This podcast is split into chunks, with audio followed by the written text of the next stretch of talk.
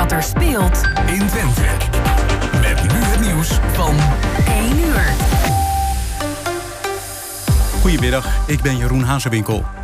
In Maastricht zijn Chinook-helikopters van het leger weer bezig met stenen storten om het gat in een dam op te vullen. Ze begonnen later dan gepland door slecht weer. Gisteren dropten ze bijna een kwart miljoen kilo aan stenen. Daar komt vandaag nog eens zo'n hoeveelheid bij. Iets verderop wordt verder gebouwd aan een nooddam. Een van de twee aangehouden verdachten van de explosie vannacht in Rotterdam-Kralingse Veer is nog maar 14, meldt de politie. De ander is 21. De explosie was bij een woning en de bewoners waren thuis, maar niemand raakte gewond. Wel is de gevel zwart geblakerd. De verdachten werden aangehouden in een auto. In de buurt van Enschede is gisteravond vermoedelijk een flinke hoeveelheid drugsafval gedumpt. Drie vaten van elk duizend liter lagen op hun kop in de sloot bij een recreatiegebied. Er zou niks zijn weggelekt. De vaten zijn opgehaald en er wordt onderzocht wat er precies in zit. De laatste tijd is rond Enschede vaker drugsafval gevonden. De Amerikaanse minister van Defensie, Lloyd Austin, heeft dagen in het ziekenhuis gelegen, terwijl president Biden van niets wist. Ook het congres was niet ingelicht, terwijl dat volgens de Amerikaanse wet wel moet. Zeker nu, gezien de conflicten in het Midden-Oosten. De 70-jarige Austin geeft toe dat hij fout zat. En dan het weer van Weer Online. Vanuit het noorden steeds meer zon. En de temperatuur ligt vanmiddag tussen de 0 en plus 2 graden. De komende dagen in de nacht flinke vorst en overdag rond het vriespunt. En tot zover het ANP-nieuws. Is jouw auto toe aan een onderhoudsbeurt of een APK-keuring? Maak dan nu een afspraak bij Gebroeders van der Mei in Enschede. Of het nou gaat om APK-keuringen, reparaties, bandenopslag of totaalonderhoud. Gebroeders van der Mei leveren vakmanschap, passie en echte service. Je vindt ons aan de Lonnekerbrugstraat 80 in Enschede. Thema beveiliging staat voor betrokkenheid, adequate optreden en betrouwbaarheid. Waar de concurrent stopt, gaat Thema Beveiliging net een stap verder. Thema Beveiliging levert alle vormen van beveiliging voor zowel de zakelijke als de particuliere markt. Thema Beveiliging, de beveiligingsorganisatie van het Oosten. Telefoon 053 4800 560 of stuur uw e-mail naar info@themabeveiliging.nl. Ook ik rij op autobanden van Gebroeders van der Mei. Vind ons aan de Lonnekerbrugstraat 80 in Enschede.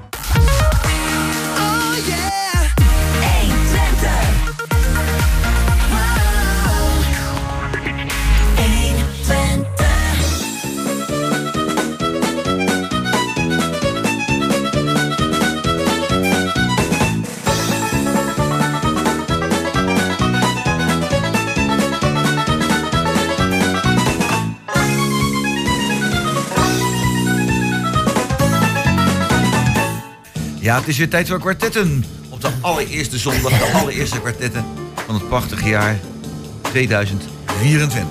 Nou, we gaan beginnen met een raadsel. Ik ben hier in een opperbestemming. Ik ga een raadsel voorlezen hier zo. En dan gaan we kijken of de gasten hier dat weten wat dat is. Ambulances met loeiende sirenes wringen zich tussen de groepjes mensen door. Overal zijn branden. Auto's staan in brand. De stank van verbrand rubber is ook met een lap voor de neus niet tegen te houden. Brandweerlieden worden ernstig gehinderd. Ze worden door in het zwart geklede jongeren met sjaals voor hun gezichten belaagd met explosieve stenen en straatmobilair. Overal zijn lichtflitsen in de lucht. Je moet je handen tegen je oren houden tegen het doffe gedreun van zware explosieven. Grote grijze rookwolken stijgen op tussen de flatgebouwen. Een van de laatste winkels van het vroeger zo gezellige drukke winkelcentrum is aan de voorkant met explosieven helemaal vernield. Een huilende moeder drukt haar ernstig in het gezicht gewonde zoontje tegen zich aan. Vroeger was dit aan de overkant het ziekenhuis Bethlehem. Op de plaats met die naam is eind december vele jaren geleden iemand die jij goed kent geboren. Die is later wel meer dan 100 kilometer verderop gaan wonen. De ambulances met gewonden moeten een heel stuk verder de stad in. In dat ziekenhuis werkt een groot team met bebloede handen de hele nacht en dag door. Non-stop. Een arts zucht. Als er niet meer nog een dode hierbij valt. Waar, uh, waar zou dit zich afspelen, beste mensen? Heb je enig idee, heb je enig idee waar het zich afspeelt, dit? Ik, uh, ik, ik, zou het, uh, ik, ik, durf het niet te raden, laat ik zo zeggen. Durf niet te nee, raden? want ik, ik, als je het zo leest zou je denken, uh, het, zou, het, zou het Midden-Oosten kunnen zijn. Ja. Maar als je het goed leest zou het ook zomaar een, een willekeurige stad in Nederland in de Oudejaarsnacht kunnen zijn. Ja, wat, wat, wat denk jij, Jan? Nou ja, ik sluit bij de voorganger aan. Het zou, dit horende, lezende, denk ik automatisch aan Gaza.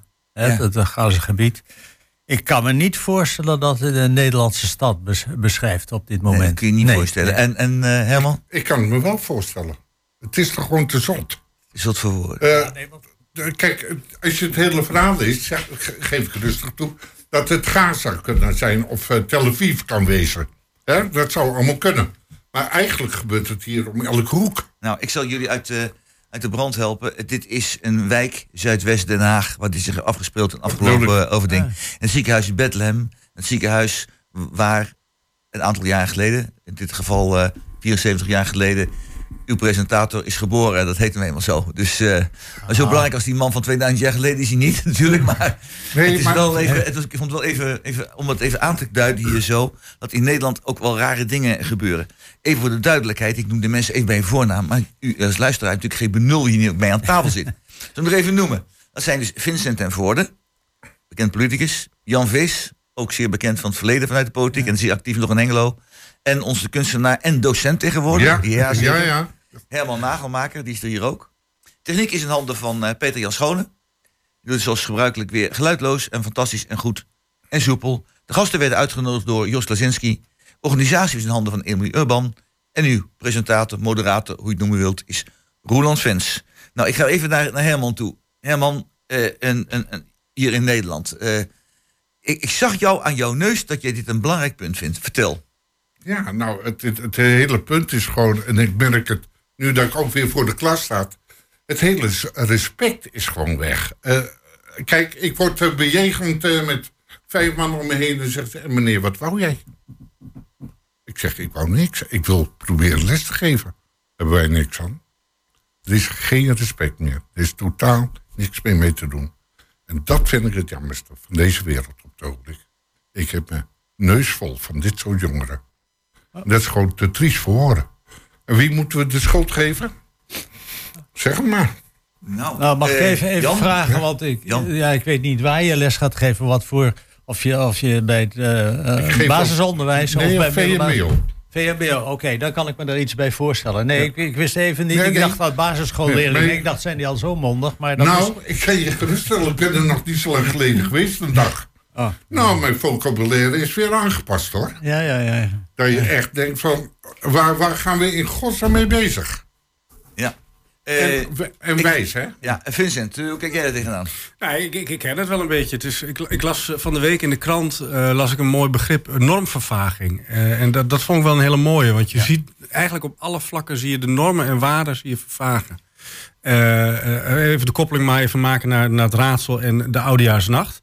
Eh, als je dan ziet dat eh, nou, sommige mensen het, het eh, oudejaarsnacht blijkbaar als een soort vrijbrief zien om helemaal los te gaan met vuurwerk, met, met geweld, met, nou, met allerlei dingen die volgens mij niet passen bij, bij een feest als oudejaarsnacht. Eh, ja, dat, dat, dat, dat, daar schrik ik wel van. En het, hetzelfde als wat, wat, wat Herman nu vertelt bij de jongeren. Dat er toch een bepaald respect mis. Ja, dat valt allemaal wel onder die normvervaging. En dat zie je in alle lagen van de, eh, van, de- van de maatschappij zie je dat terug. Helaas ook in de politiek. En ehm, eh, ja, volgens mij moet daar ook wel het goede voorbeeld worden gegeven. Want uiteindelijk is dat wat de politiek uitstraalt, eh, dat zijpelt door in de maatschappij. En als de politiek niet het goede voorbeeld geeft, dan heeft de maatschappij ook zoiets van: ja, waarom zouden wij ons eigenlijk aan de Nou, je wet en regelgeving Je zit er midden houden? in, in de politiek. Het is, Ja, ik maak maar even de koppeling met, Nee, met, heel met, de, terecht, met- heel met terecht. de politiek, omdat ik het daar ook zie. Ja. Eh, eh, nou, ja, we hebben natuurlijk afgelopen eh, eh, jaar de verkiezingen gehad. Nou, die, die uitslag, eh, er is veel over gezegd. Maar eh, eh, dat we nu eh, iemand in ons land de grootste hebben die hele bevolkingsgroepen wegzet. ehm, eh, die, eh, die het ehm, passend vindt om politieke tegenstanders eh, te kwalificeren als heks. En daar ook weigeren een, eh, een excuus voor aan te bieden. Daar begint het al. Hè? Op het moment dat politici niet het goede voorbeeld geven, dan hebben mensen in de maatschappij ook zoiets van: ja, waarom zou ik mij dan überhaupt aan, waarom zou ik mij dan eh, aan wet en regelgeving houden? Waarom zou ik überhaupt eh, eh, bepaalde normen waarden hanteren? Ik vind dat echt wel een hele schokkende, schokkende ontwikkeling. Dus in die zin kan ik mij wel aansluiten bij wat Herman zegt. Dat dat echt iets is waar we dit jaar aan moeten werken met z'n allen. Nou, dat, is, Ja, en- dat en- zou een item wezen. Herman, hoe, hoe moet het dan gebeuren? Want ik zie dat... Nou, vanaf van de basis, hè, maar ik denk dat we ook moeten, ja, sorry dat ik het zeg, maar ook bij de ouders moeten gaan overtuigen van dames en heren, zo kan het niet verder.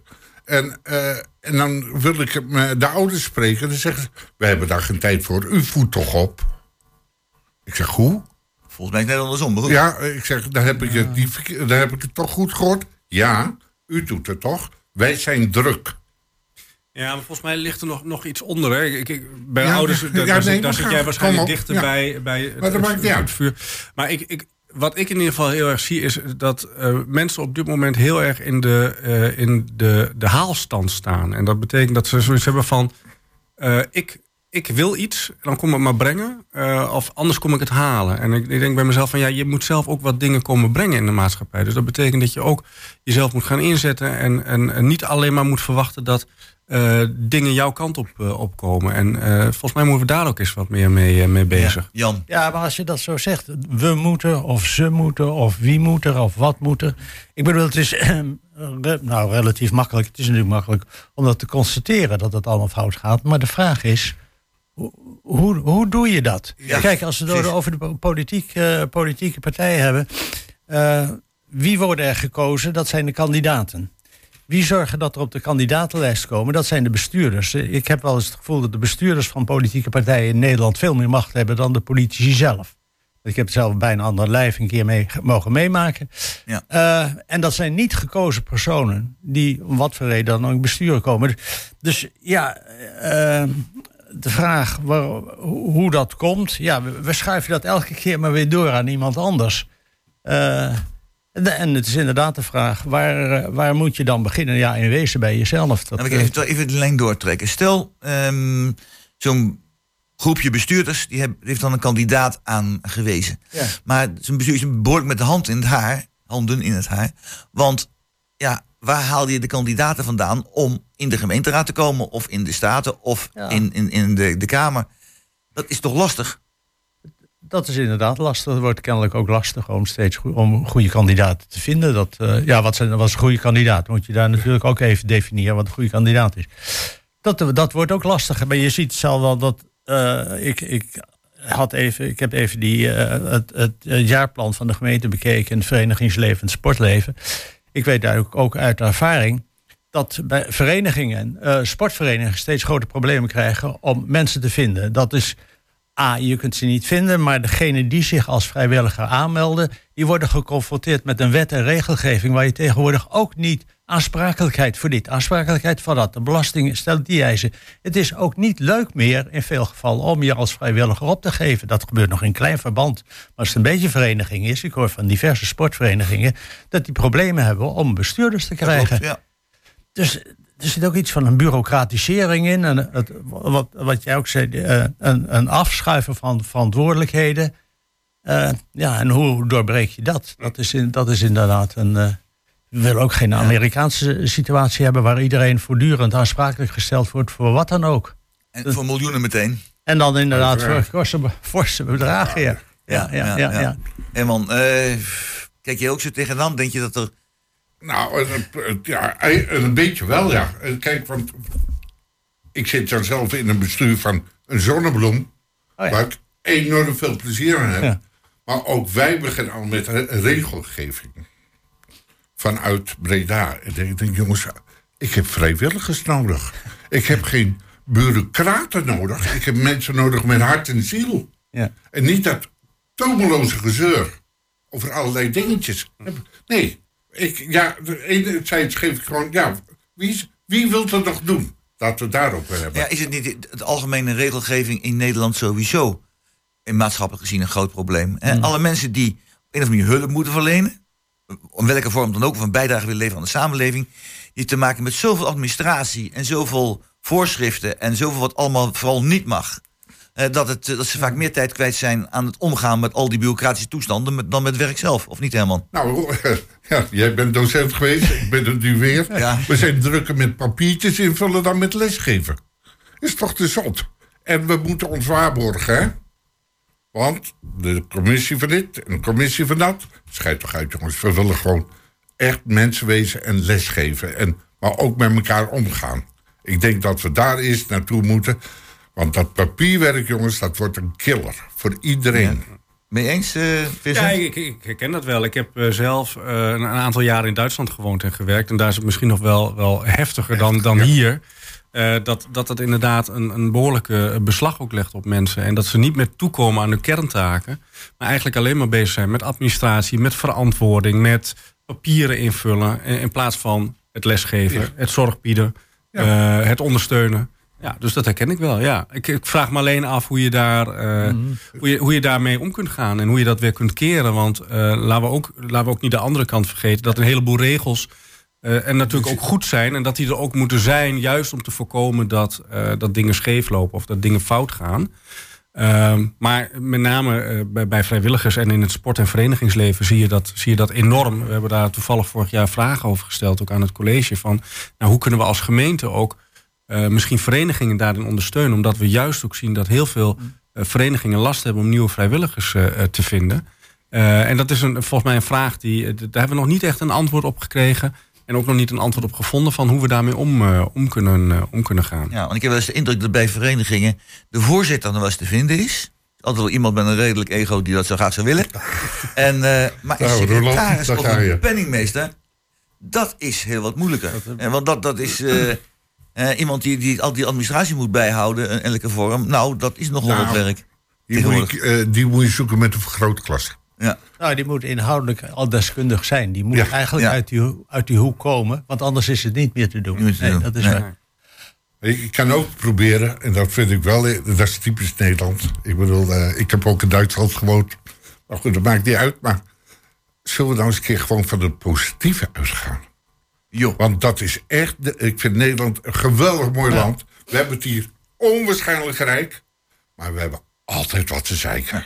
Ik ga het onderwerp dan even nu afsluiten voordat we naar muziekje toe gaan. We sluiten het af, want we gaan zo meteen praten over het positieve. Wat we gaan doen, daar gaan we mee verder. oké. Ja, eh, dus dat dingen. En dit hebben we nou het moeilijke punt gehad. Je moet altijd eerst met negatieve komen, daarna met positieve. Oh, echt.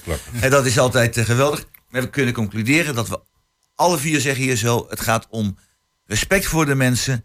En zorg dat onnodige regeltjes eh, het, het plezier van de mensen veel vergallen voor het nuttige werk. Laten we samen oppakken en het samen op een leuke manier gaan doen. Dat kunnen we constateren. Ja? Gaan we zo meteen daarmee verder. Gaan we nu luisteren naar Fast Car van Luke Combs.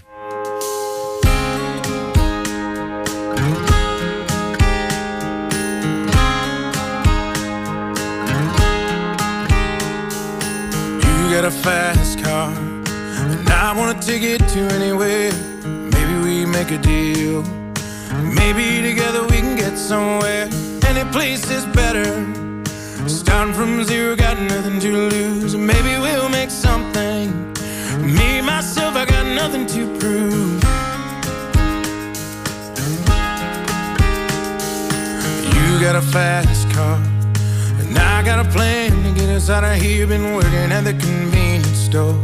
Managed to save just a little bit of money. Won't have to drive too far.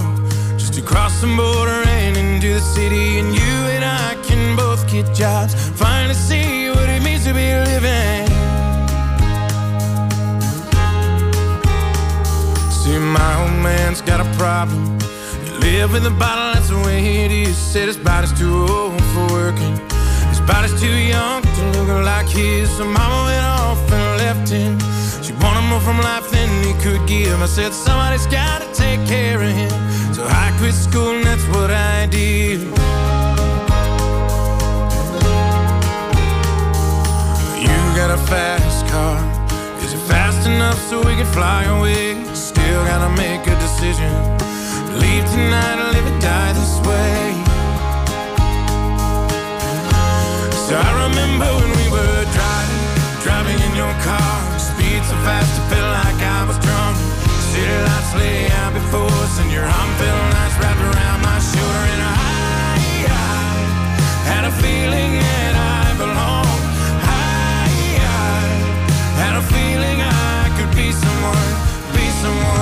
Be someone. You got a fast car. We go cruising, entertain ourselves. Still ain't got a job. So I work in the market as a checkout girl. I know things will get better. You'll find a work and I'll get promoted and we'll move out of the shelter. Buy a bigger house, live in the suburbs. I remember we were driving, driving in your car. Speed so fast I felt like I was drunk. City lights lay out before us, and your arm felt nice wrapped around my shoulder. And I, I had a feeling that I belonged. I, I had a feeling I could be someone, be someone, be someone.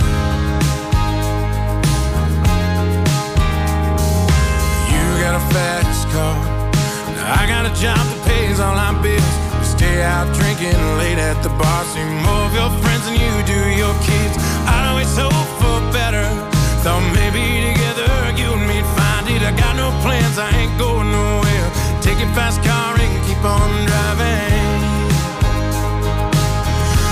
So I remember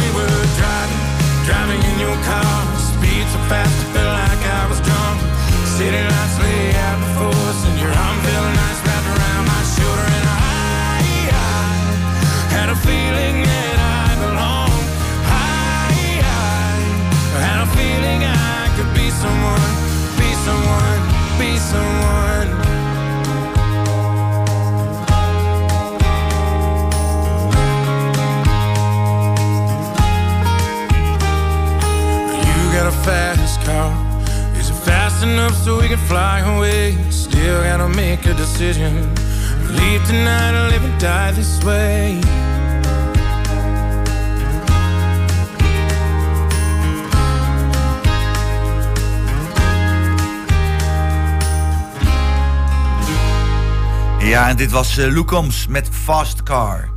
Nou, eh, ja, dit was eventjes een, een wat moeilijke opening. Maar ze zeggen altijd, begin met het negatieve bericht. En ga dan verder met de positieve Ja, dingen. ja, hou je daar ja, eh, een goed, ge- eh, goed gevoel aan over. En wat eh, deze week toch wel heel positief is. eh, want eh, we hebben in Nederland een heel groot probleem met asielzoekers. En het worden er eh, steeds meer. En dat is gewoon niet tegen te houden. Want ja, Afrika loopt over, dat is gewoon duidelijk. Eh, dus 100 asielzoekers die kunnen in van, bij de Van der Valk Hotel eh, geplaatst worden. Eh, voor een klein bedrag. Twee personen voor 250 euro, inclusief eten. Nou, dat is, eh, dat is mooi geregeld. Eh zonder financieel dagblad, een artikel over. Is, is werkelijk, is werkelijk fantastisch. Vertel me even.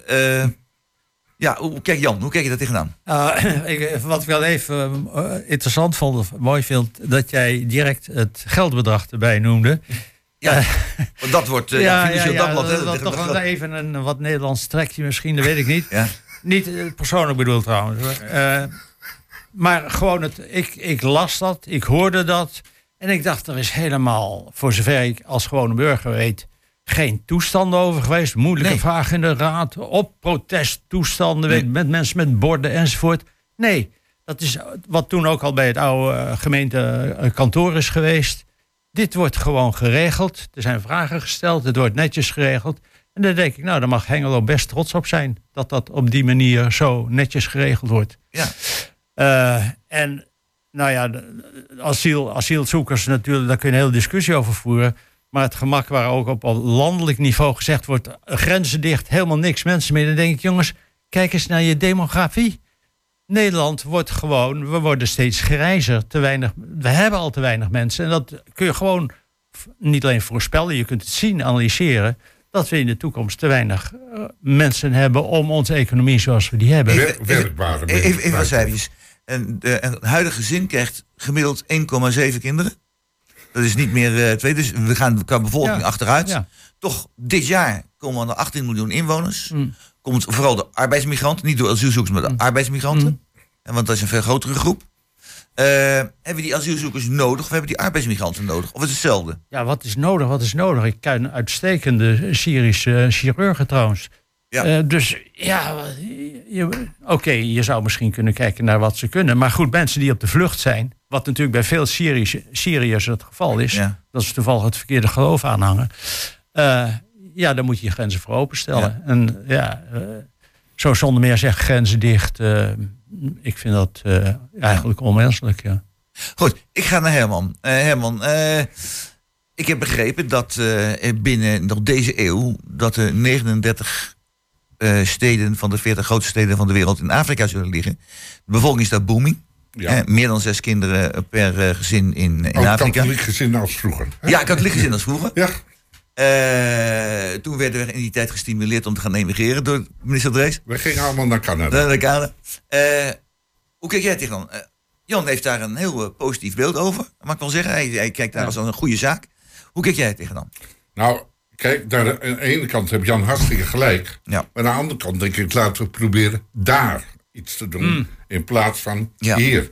Andere, dat zegt Jan ook, van we krijgen een grijze wereld. Maar wat ik ook van de week hoorde, een, een, een Nederlands gezin, of tenminste die, die een gezin zou willen hebben, die zeggen, waar moet ik mijn kind straks van betalen?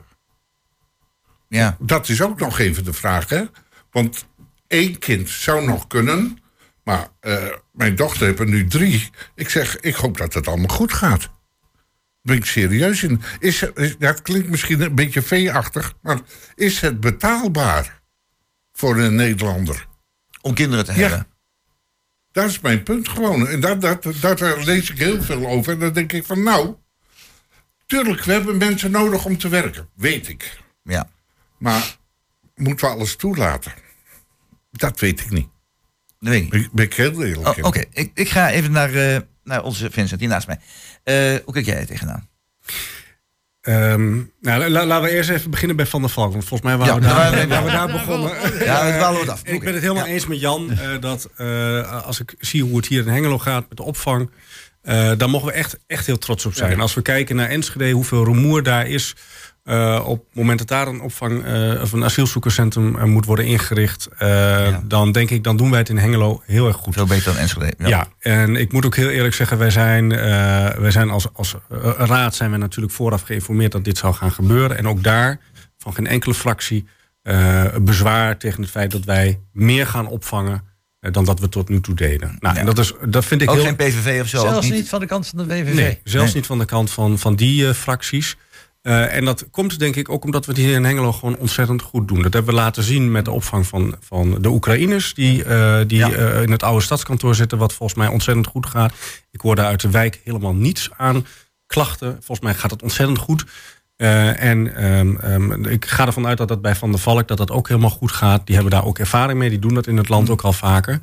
Maar goed, er zit natuurlijk wel iets onder. Waarom moeten die mensen in een hotel worden opgevangen? En dat is natuurlijk ook wel een beetje, hè, als we dan weer teruggaan op het onderwerp waar we het voor de pauze over hadden, solidariteit. Komt natuurlijk ook omdat heel veel gemeenten in Nederland gewoon weigeren om eh, asielzoekers op te vangen. Eh, dus eh, volgens mij moeten we daar ook, eh, als we het hebben over solidariteit in de maatschappij, dan begint het daar. Dat betekent gewoon dat elke gemeente ook naar ratio opvangt. En dat betekent ook dat mensen dan ook niet per se in een hotel opgevangen moeten worden, maar dat er ook andere opvangmogelijkheden zijn. Dus dat, dat is het ene. Dan ben ik het helemaal met Jan eens dat eh, ehm, ehm, ehm, opvang voor vluchtelingen die hier komen eh, en, en beschutting zoeken voor oorlog, daar moet je gewoon een plek voor hebben. Ja. Eh, maar dat is maar een Maar daar, heel, daar, is, daar is iedereen over eens. Klopt, maar dat is maar een heel klein gedeelte van het migratiesaldo. Ja. Eh, van wat eh, ervoor zorgt dat de Nederlandse bevolking eh, stijgt. Want het grootste gedeelte zijn buitenlandse studenten, zijn arbeidsmigranten.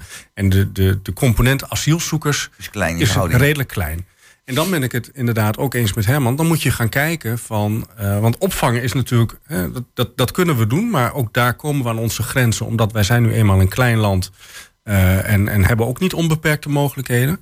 Maar je moet gaan kijken hoe kun je daar de welvaart en de welstand eh, laten stijgen. Zodat, er, zodat er geen reden meer is om te vluchten. En dan kijk ik maar even naar jou en, en, en jouw partij, eh, Roeland. Als ik dan eh, lees dat de VVD eh, eh, alle ontwikkelingssamenwerking wil schrappen.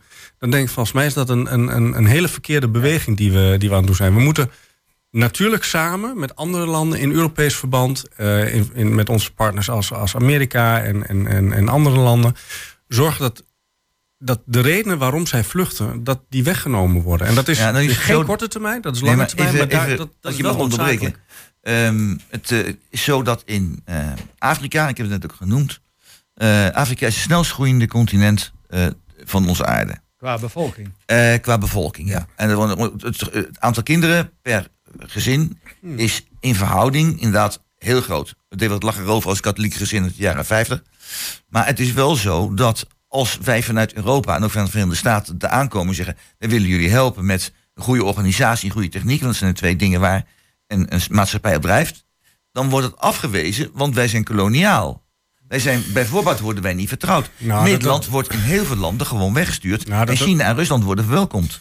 Nou, dat, dat vind ik wat te generaliseren, want volgens mij is dat niet overal het geval. Maar het is ook de manier waarop je eh, eh, eh, op die mensen afstapt. Hè. Is dat met, met de houding van wij gaan jullie wel uitleggen. Het vingertje, hè? Precies, jullie gaan jullie wel Ja, daar zijn we goed in, dat hoe, vingertje. Ja. hoe, hoe het moet. Ja. Of gaan we de mensen helpen in, in de vorm dat wij ondersteunend zijn, faciliterend zijn aan de dingen die daar al zijn.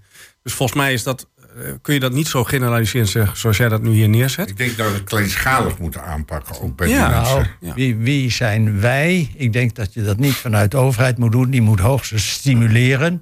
Ik denk dat je moet helpen of, of bevorderen dat in die landen een industriële werkgelegenheidscapaciteit ontstaat. Eh, De Chinezen die leggen dan de spoorlijnen aan. Maar als grote bepaalde bedrijven daar vestigingen, een autofabrikant of wat dan ook.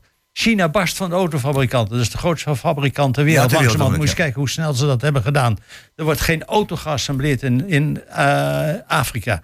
Je zou ook kunnen stimuleren, al dan niet met overheidssubsidie, waarschijnlijk met overheidssubsidie, dus gemeenschapsgeld, om dat soort arbeidsintensieve, kennisintensieve industrieën daar ook in bepaalde Dus de landen te stimuleren En om daar fabrieken te bouwen. Ja, laten nou ja, en- fabrieken en- werk, ja. hoogwaardige werkgelegenheid. Hoogwaardige werkgelegenheid. Want dat is de reden. Omdat ze geen werk kunnen krijgen, geen inkomen hebben, komen ze deze kant op. En, en laten we nog eens, nog eens verder doortrekken. hè. Als daar de welvaart stijgt, Ja. eh, dat betekent niet dat de welvaart hier in Europa achteruit gaat. hè. We hebben in de, in de verkiezingscampagne is er ook een discussie geweest over de arbeidsmigranten. Hè. Welke soort arbeidsmigranten moet je nog in Nederland toelaten? Nou, volgens mij is Nederland eh, hoogwaardige technologie. Als ik kijk bijvoorbeeld naar de regio Eindhoven, ASML. Ja. Volgens mij de hoogwaardige arbeidsmigranten, ICT, nou, die kunnen we hier heel goed gebruiken.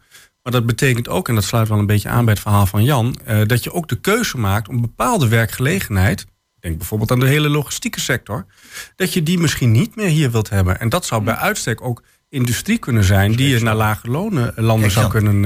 eh, eh, Herman, hoe kijk jij daar tegenaan? Ik zie jou een beetje bezorgd kijken. Ja, weet je, weet je, ik, ik heb, het het voelt een beetje allemaal dubbel. Laten we, laten we gewoon maar eens proberen daar kleinschalig iets op te bouwen. Want dat punt is gewoon, wij, we hadden het net over het vingertje. Wij Nederlanders zijn geweldig goed in het vingertje. En dan kan ik me wel voorstellen dat eh, Donker Afrika zegt van... eh, ga je met je vingertje thuis spelen? We hebben jullie niet nodig. Maar wat de Chinezen doen, dat vind ik echt geweldig. Want die hebben doordat zij investeren, hebben ze onwijze vinger in de pap. Er zijn al zoveel, ik heb nog niet zo lang geleden de, eh, een hele reportage gezien dat eigenlijk de Chinezen in dat soort landen het voor het zeggen hebben. Ja, maar, En, en die zijn ons vooraf, die zijn er eerder aan de beurt. ja, maar vergeet daar niet het eigen belang. Ja, De lithiumvoorraden en de uraniumvoorraden in Afrika zijn voor China ontzettend belangrijk. Dus het is, nou ja, niet stimuleert zijn eigen belang, zeg ik wel. Dus dat, we moeten vergeten dat, hè, dat, dat is heel mooi dat China daarin investeert. Maar China weet natuurlijk ook donders goed dat op het moment dat mensen eh, vertrekken uit die landen en Afrika, die gaan niet naar China, die gaan naar Europa, die Ja. gaan naar Amerika. Dat heb dat, ik- dus die hebben niet zoveel last van die vluchtelingenstromen zoals. Nou, last is misschien het verkeerde woord, maar eh, eh, de- die, die, ze hebben niet zoveel effect van de, Nee, van de het wordt voor hen steeds beter. Ja. En dat, dat is, te zot voor woorden dat ik op een gegeven moment zeg van... oké, wat is dan wereldpolitiek? Ja, wat wij vroeger deden in de, in de Gouden Eeuw. Hè? Ja, Ja, dus, je ziet een zekere overeenkomst tussen Nederland met de VOC in de Gouden Ja. Eeuw en China nu. ja. Ja, maar toen was het probleem niet dat ze al, Nee. allemaal deze kant op kwamen. Nee, ik dacht nee. gedachte Nee, tot nu de toe is dat waren minder. deze Ja. kant op Ja, Nee, maar eh, kan je nagaan dat er toch ergens wel... weer, eh, die golven Ja, in ja, zit? we, we kunnen heel lang erover hebben, maar dan denk ik gewoon van... jongens, ja, wie is nu clever? Nou, ja, maar dat vol- is- volgens mij zijn we het er wel over eens dat, dat het, het probleem daar opgelost moet Ja, worden. Zodat, zodat de, de vluchtelingenstromen niet meer deze kant op komen. Want eh, daar zijn we het volgens mij ook over eens dat Nederland ook niet, niet alles kan, op, eh, kan vangen.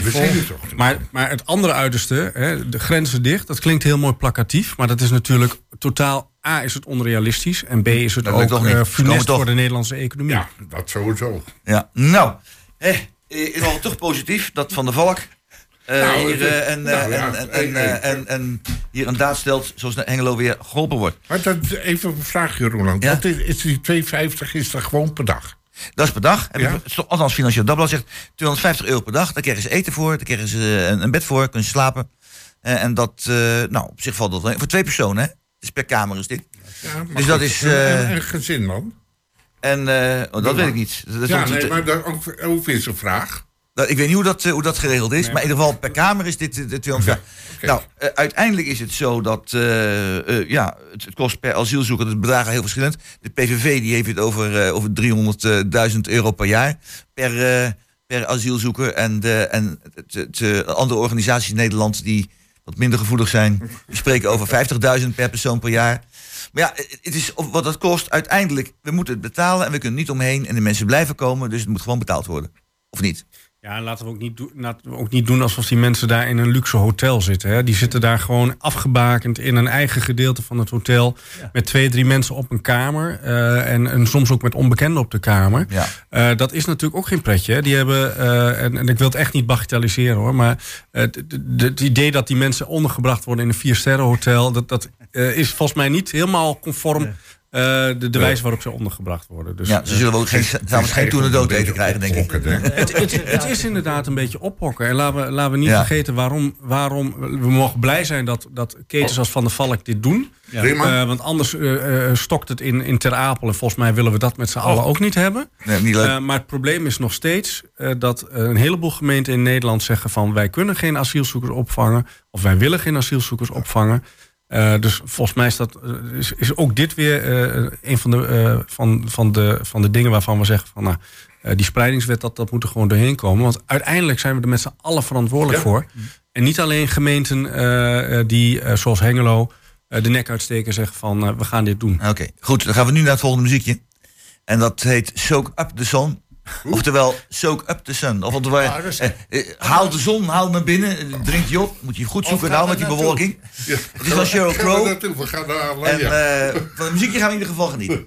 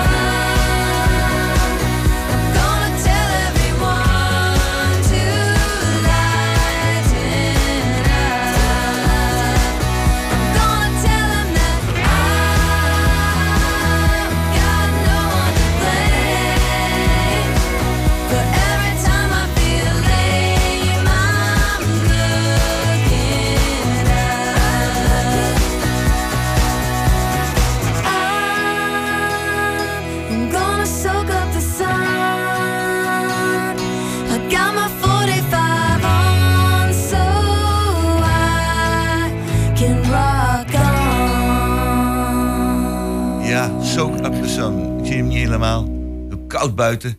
Het vriest net niet meer. Dan staat een straffe oostenwind. Veel beter binnen bij de radio zitten mensen. Je vanmorgen niet geroeid, eh Roeland? En eh, nou, ik, wilde, ik was aangekleed. Alles al helemaal klaar. Maar, eh, maar dankzij appjes over en weer werd toch besloten het niet te gaan doen. Want het ook niet mag. Je mag met de vorst nee, niet dat roeien. weet Want ik, weet ik. gaan de boten kapot als het Ja. weer teruggelegd wordt in de loods. Dus eh, vandaar dat dat niet kon. Maar achteraf heb ik geen spijt van. Want het stukje wat ik hier moest lopen hier naar de studio vond ik al afris. Je kon, je kon misschien bijna varen. Ik, eh, hoe is het bij jullie met de wateroverlast geweest? Eh, ik ik woonde in eh, Groot aan de rand. Ja. En die beek die was tot aan de rand toe gevuld. Het ging al over de weilanden heen. En diverse mensen wilden de moet En ik zal het misschien ook moeten doen. Die moesten hun kelder leegpompen. Ik ook. Iedere dag moet Ja. ik. Ik heb zo'n van zo'n geel-zwart merk, mag ik niet noemen, goed.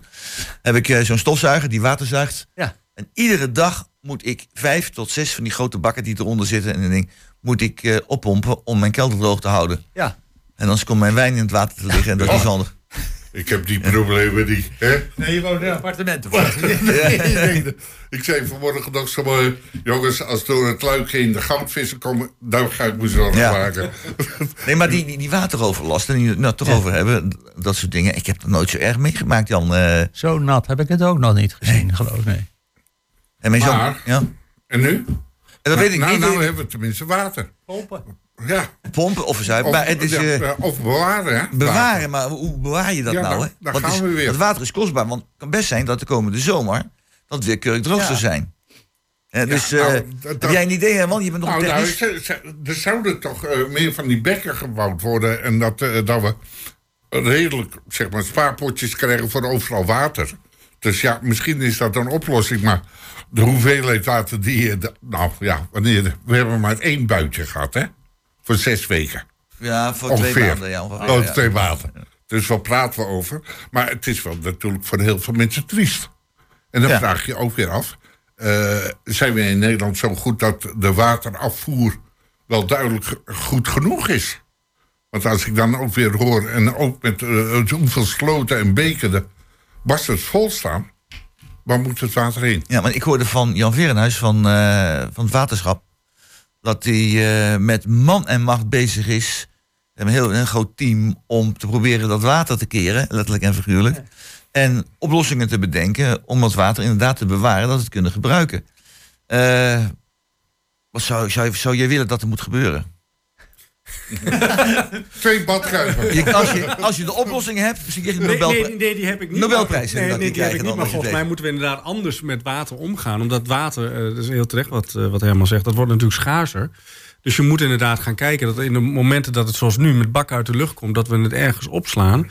Dat in die droge periodes het we, we het weer kunnen gebruiken. En ehm, weet je, dit, het klimaat verandert en deze natte periodes die gaan alleen maar toenemen. Hetzelfde als de droge periodes in de zomer. Eh, dus volgens mij moeten we anders gaan kijken naar hoe we met water, ook. ja, hoe we, hoe we heb- met water omgaan. Ik heb in Zuid-Holland gezien dat eh tuinders, eh, die hebben naast hun kassen, Ja, hebben ze hele grote wallen gebouwd. En Ja, ja. tussen die Maar- grote vierkanten, hebben ze vol laten lopen met water, zodat ze Ja. altijd water hebben. Ja, maar dat, doen- dat doen ze al jaren, hè? Zeker Ja. in Zuid-Holland. Dat weet ik toevallig wat af. Maar dat is voor hun ook eh, reden om te zeggen van... wij zijn er best zuinig mee. Want je wilt niet weten wat een tuinder gemiddeld aan water verbruikt. Nou, en dan krijg je nou als... eh, ja, als ik zo haar zeg... door Vitens nog de regel van... nou, we gaan het wel iets duurder maken. Want we moeten iets gaan doen. Helpt dat? Nou, dat weet ik niet. Schoon water, hè? Schoon Ja, ja, ja. drinkwater. Nou, gewoon minder gaat douchen scheelt de energie ook nog. Ja. ja, 10% overheen. En eh, dan vraag ik ook weer af. Kijk, we hebben, we hebben in Nederland krijgen we steeds meer geld. Maar de verzekeringen gaan ook steeds hoger. En als je daar weer uitrekent naar hetgene wat we allemaal kunnen doen... dat we dan ons eerst druk maken hoe we het water te sparen, op te sparen. Want die bassins voor, Ja. voor de kwekers, Net als met energie moeten we ook op, op water gaan letten. Ja, Nou ja, Denk we, we ja? hebben natuurlijk één heel groot reservoir. Dat is het IJsselmeer. Dat Ja. is het groot.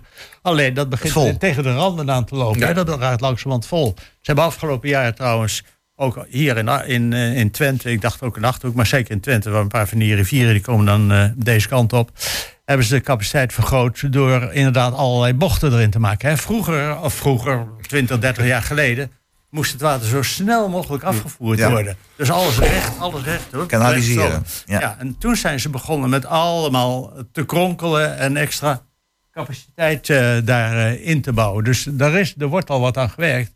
Alleen de, als je leest de hoeveelheden water die ook al via de Rijn en de Maas en zo binnenkomen, vecht trouwens ook.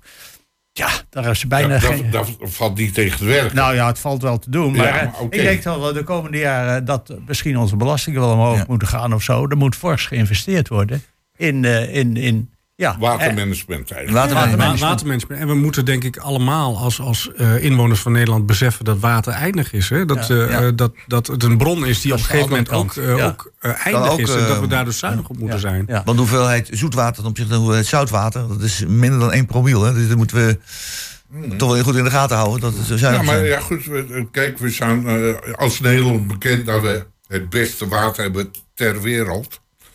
En dan zeg ik, oké, dat mag dan wel. En we gebruiken het ook goed. Maar laten we er ook een beetje zuinig op wezen Zijn dan. Oké, goed. Eh, daar, daar, is- daar, daar zijn nog mogelijkheden. ik. zuinig hoeven op Nou, dit probleem niet hebben we dus opgelost. Dat scheelt alweer. Ja, oh. we, we hebben nog Wel- wel- welk wereldprobleem eh, Ja. gaan we nu oplossen? Nou, en we willen willen- gewoon alles.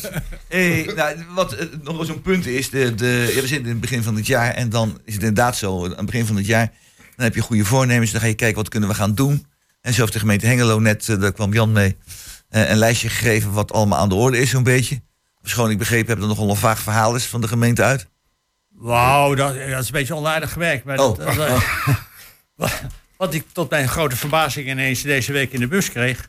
dat was het Hengeloos Weekblad. Dat had ik al Tijd niet gezien, hè? maanden niet meer gezien. Oh ja, Maar goed, alle, tijdschri- alle kranten, tijdschriften hebben distributieproblemen kennelijk. ja. En het was toevallig eh, het, eh het Hengeloos Dag, de Weekblad bedoel ik... waarin staat de vooruitblik van 2024. Belangrijk aspect trouwens van dat eh Hengeloos Weekblad vond ik altijd... Het, het is misschien wel het communicatiekanaal te- te- eh, van de gemeente naar de Wat iedereen burgers moet toe. Krijgen eigenlijk, hè? In welke wegen afgesloten worden, wie waar een, eh, een overkapping bouwt. nou ja, al, al dat soort belangrijke zaken erin. Maar er staan ook echt belangrijke zaken in. Tenminste, interessante dingen.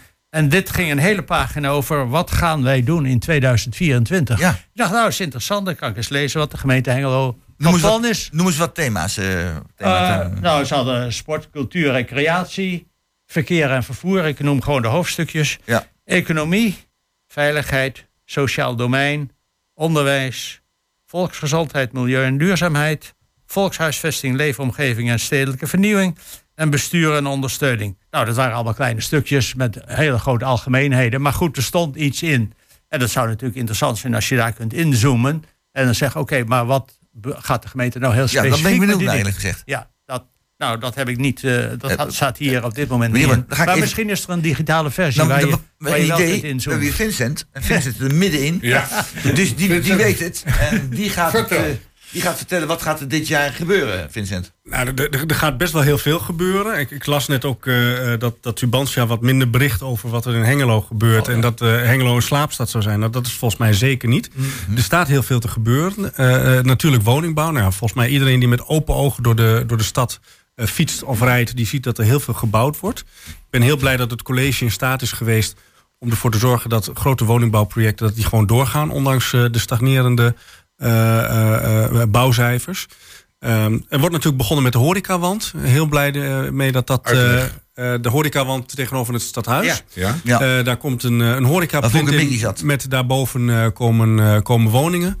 Heel mooi dat dat samen met Welbions eh, is rechtgetrokken en dat dat nu, eh, dat dat nu eh, van start gaat. Eh, wat voor ons als Partij van de Arbeid natuurlijk heel belangrijk is, is dat die wijkgerichte aanpak, dat die nu echt ook eh, zichtbaar wordt. Dus dat is de wijkhuizen, die zijn opgetuigd. Eh kuierlocaties zijn opgetuigd. Eh, nou, kuillocaties.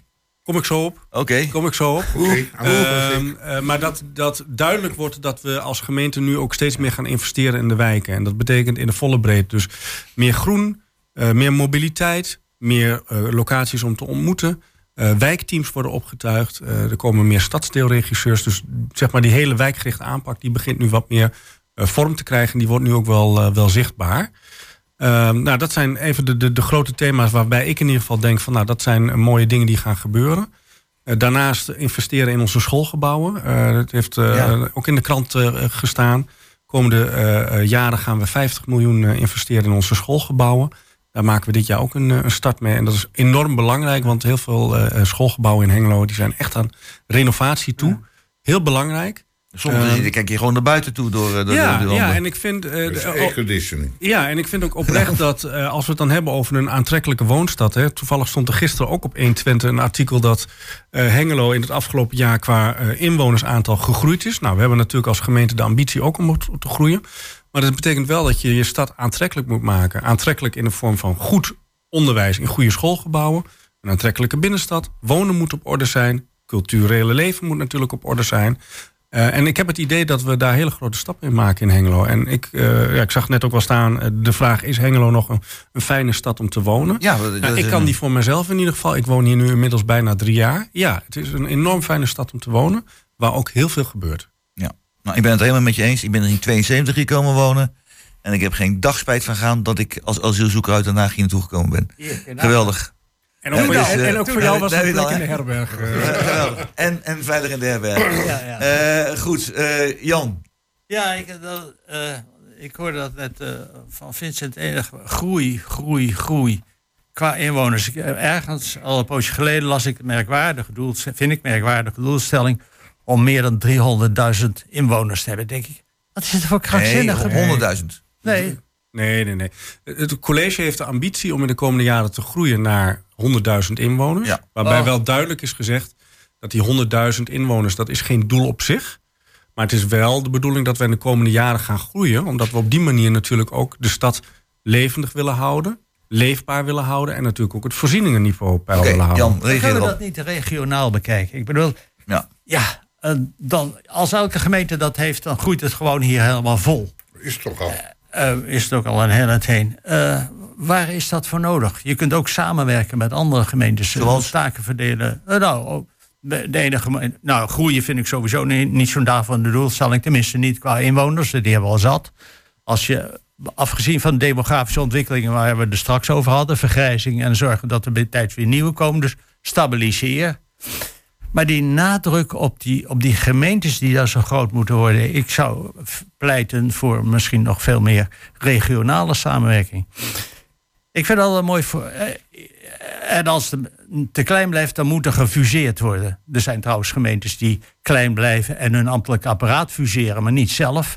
Een beetje de, de valse Nou, situatie. dat Heng- dat Hengelo toch ook al met Enschede en zo. Hardenberg, En- en- Hardenberg en eh, eh, nou, nog een andere plaats die doen dat ook al. Ja, eh, ik, dacht losse, ja, dat gemeentelijk apparaten dat je je combineert. Je hoeft niet per se te fuseren. Wij hoeven niet te fuseren met borden of zo. Als een borden op een gegeven moment, dat, en dat kun je verwachten bij de verdergaande bureaucratisering, dat je het ambtelijke apparaat niet meer hebben om alle eisen die daar gesteld worden om daaraan te voldoen. Ja, ja. Dat, zeg, dat je dat kunt inhuren of weet ik veel in Hengelo. Maar dan blijf je als gemeente nog wel zelfstandig. Kijk, in Frankrijk is elk kleinste lullige dorp, sorry voor het woord, eh, is zelfstandig. Dat betekent dat de burgemeester die is en slager tegelijkertijd of boer, Ja, ja, weet ik het wat. En ja. die gaat over een paar kleine dingen en alles wat in, inderdaad wat ingewikkeld wordt en groter wordt, eh, dat wordt regionaal geregeld. Dat is uitbesteed. Zou je hier ook kunnen doen. En dan heb je toch het gevoel dat je zelfstandig bent. Een aantal dingen. Maar hier op een of andere manier, zo zo'n provincie als Ja, Friesland is bijna zo. Eh, ben je het ermee eens dat we het allemaal regionaler moeten doen? Ik denk dat er ooit eens een keer een eh, set is gedaan, hè? Samen te werken Enschede, Al- eh, Borne, Hengelo. Nou, dat was samen gaan dat inderdaad. is ja, de fusie, dat is, dat, dat is het andere. Ja, juist. maar goed. Dan- Ja, ja, van mij part. Maar we hebben de, regio gehad, hè? Ja, Is niet gelukt, nee, eigenlijk. nee daarom, daarom. Ja, daar vraag ik me ook af van... Het gewest, niet gelukt. Maar even, Ja, want wij- wij, ja. wij- wij werken natuurlijk al intensief samen met andere gemeenten. Hè. Als Ja. ik zie hoe de samenwerking met Enschede is, als het gaat bijvoorbeeld om de ontwikkeling van de, van de spoorzone Hengelo-Enschede.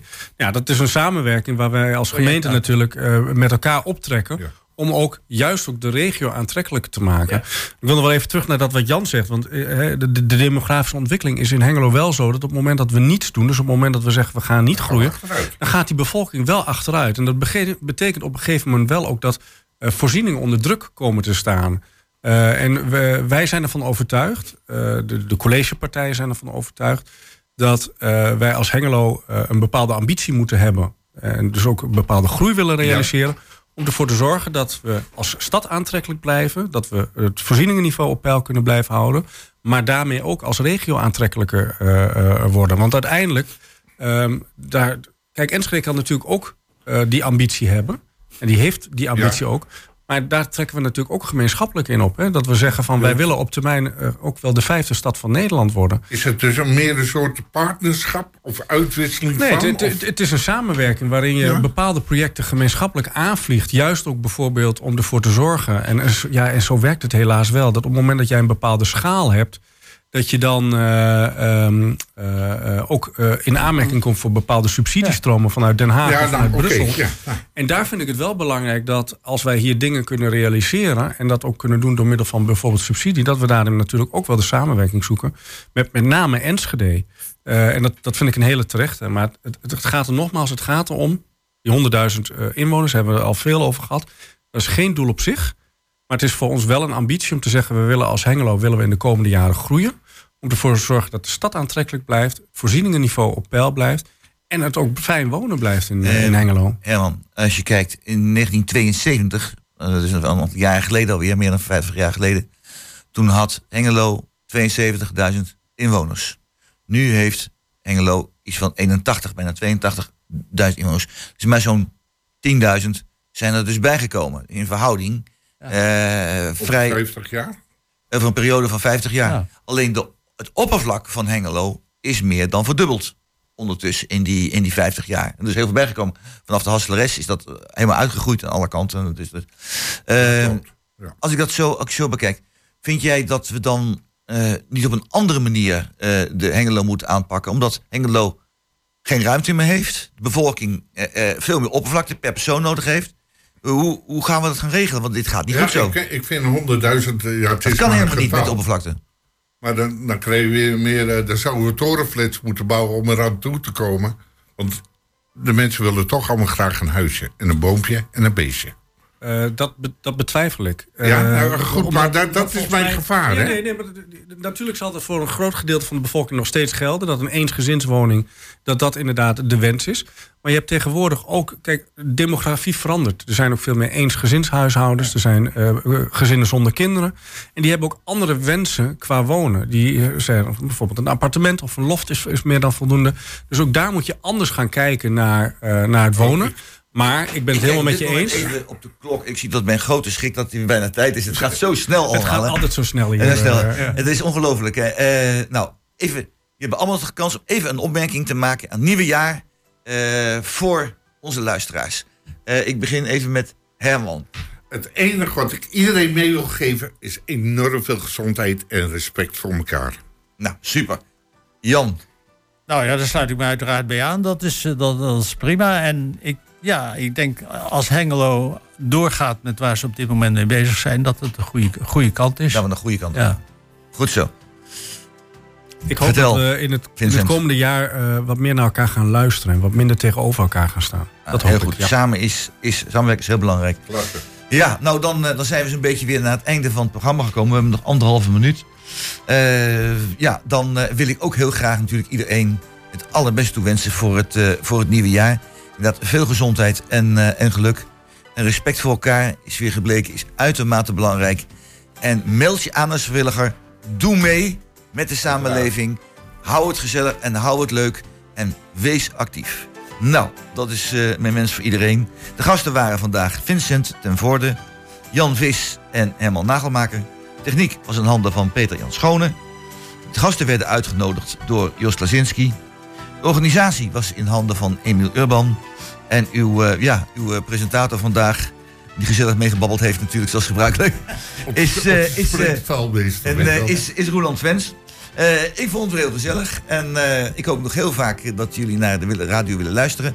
En dan hoop ik ook, en dat is een, een wensje nog van mij op het einde van... Ik hoop zo dat Twentse Krant Tubantia ook wat meer aandacht heeft voor Hengelo Ja. in zijn artikelen. En het hoeft niet minder te zijn dan voor Enschede. Maar als je meer dan vijf keer zoveel aandacht besteedt aan Enschede dan aan Hengelo... dan vind ik dat niet zo leuk. Hengelo is een prachtige stad, waar heel veel gebeurt...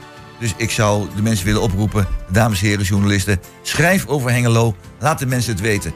En het laatste nog, gemeente Hengelo, Hengeloos Dagblad, Zorg dat we geïnformeerd blijven. Dan kan de gemeenteraad ook veel meer doen dan ze nu doen voor ons allemaal. Een fijne zondag verder.